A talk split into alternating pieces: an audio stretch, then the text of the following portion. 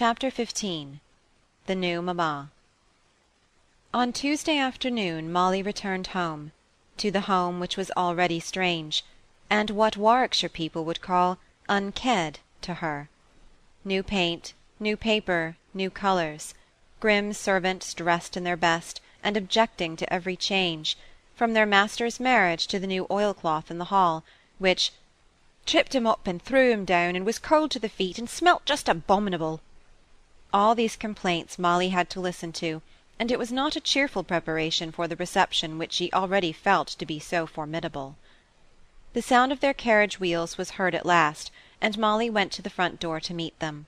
Her father got out first, and took her hand and held it while he helped his bride to alight. Then he kissed her fondly, and passed her on to his wife, but her veil was so securely and becomingly fastened down that it was some time before Mrs. Gibson could get her lips clear to greet her new daughter.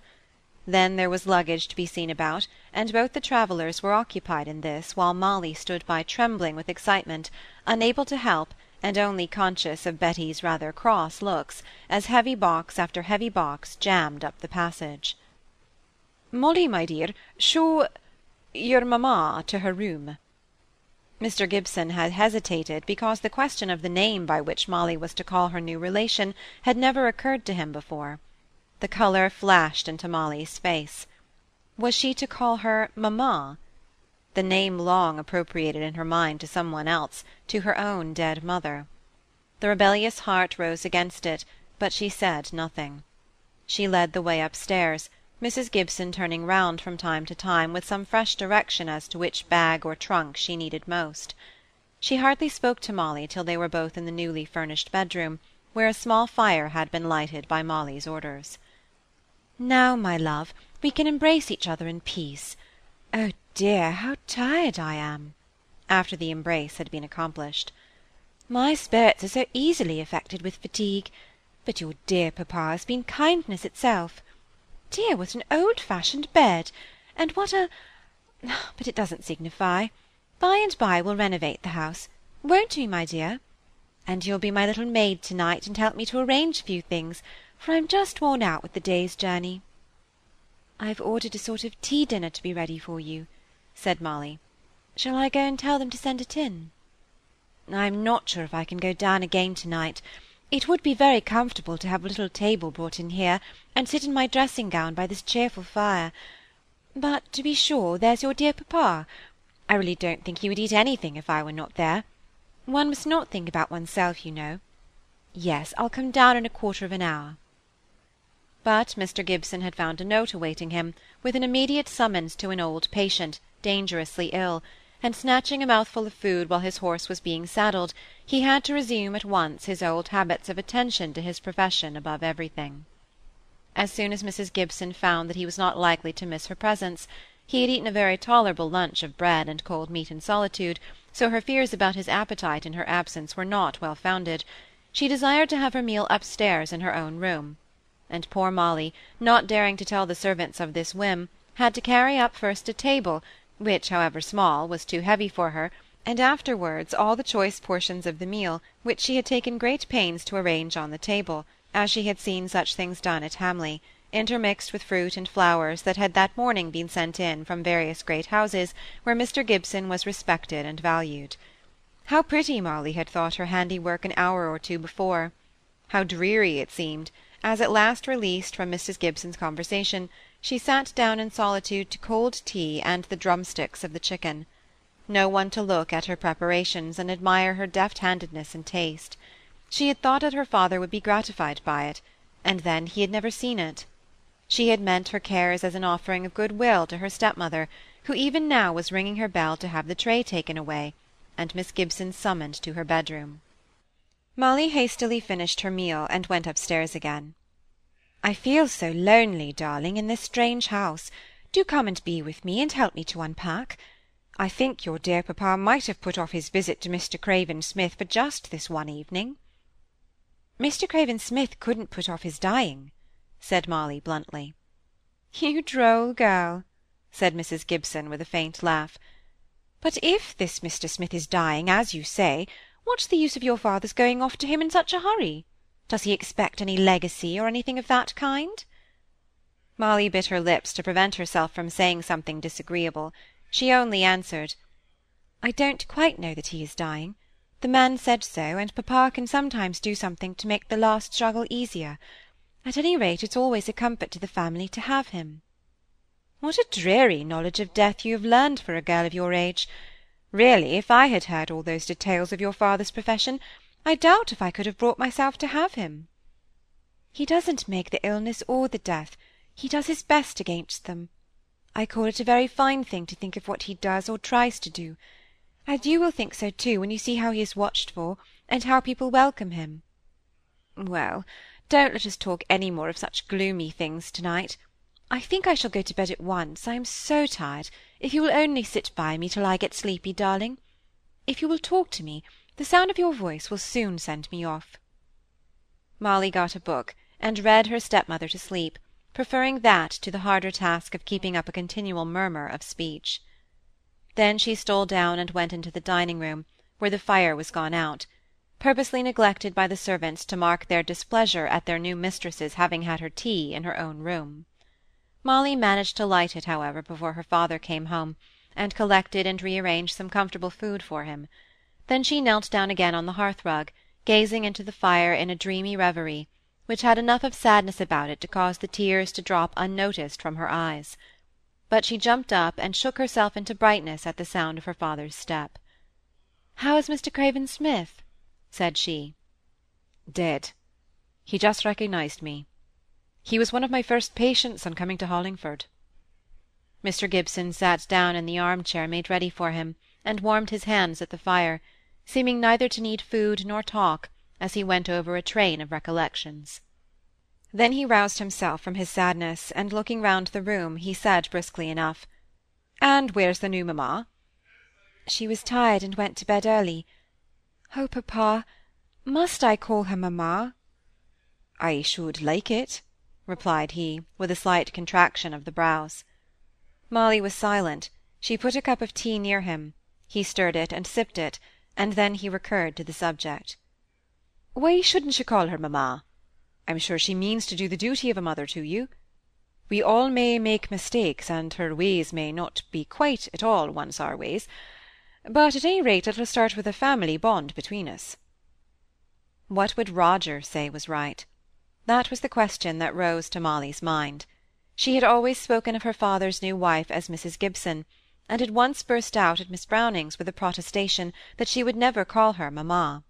She did not feel drawn to her new relation by their intercourse that evening. She kept silence, though she knew her father was expecting an answer.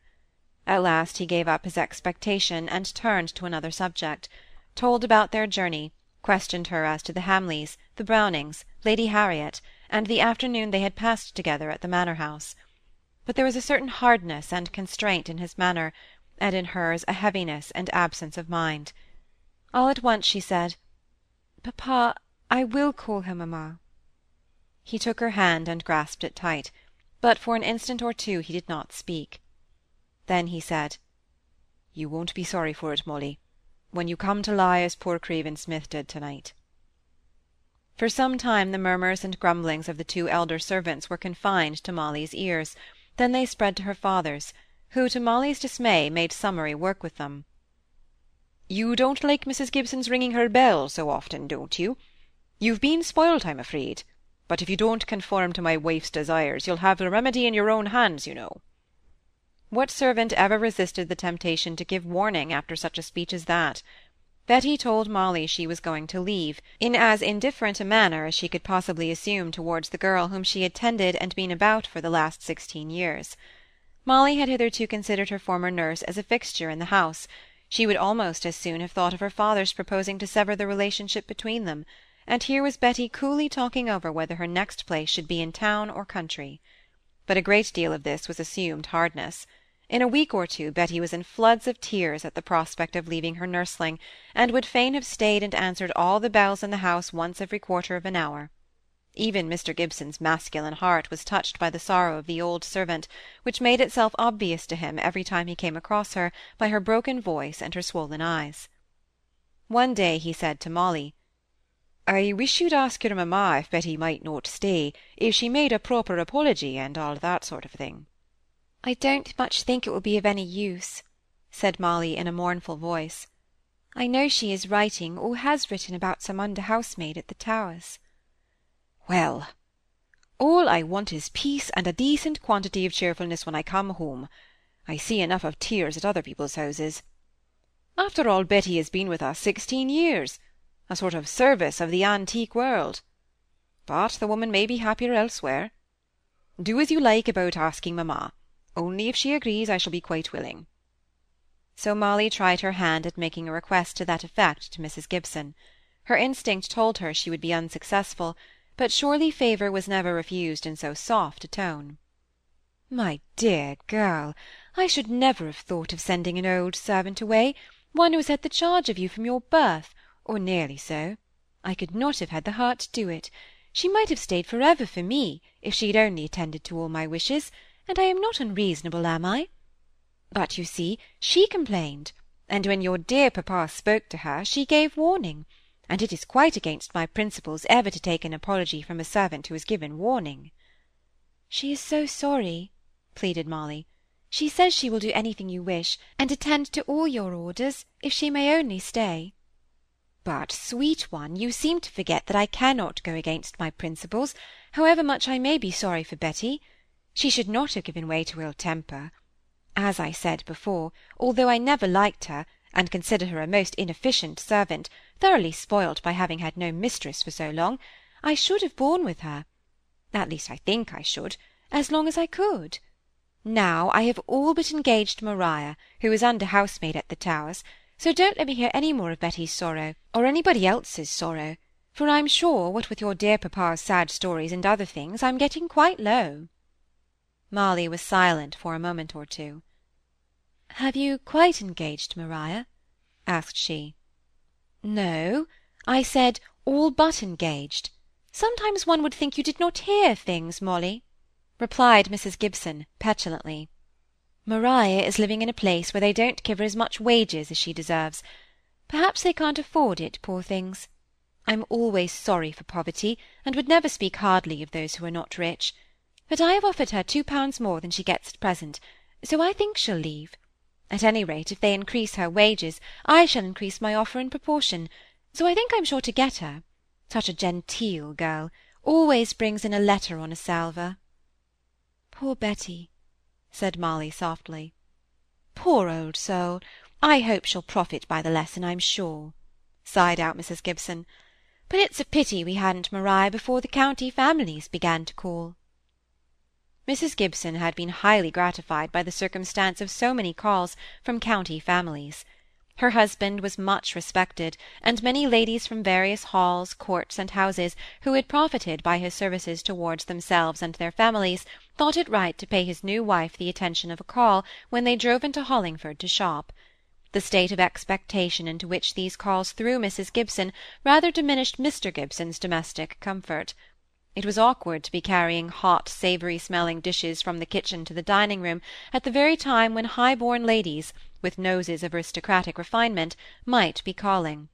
Still more awkward was the accident which happened in consequence of clumsy Betty's haste to open the front door to a lofty footman's rantan, which caused her to set down the basket containing the dirty plates right in his mistress's way, as she stepped gingerly through the comparative darkness of the hall, and then the young men, leaving the dining-room quietly enough, but bursting with long-repressed giggle, or no longer restraining their tendency to practical joking, no matter who might be in the passage when they made their exit.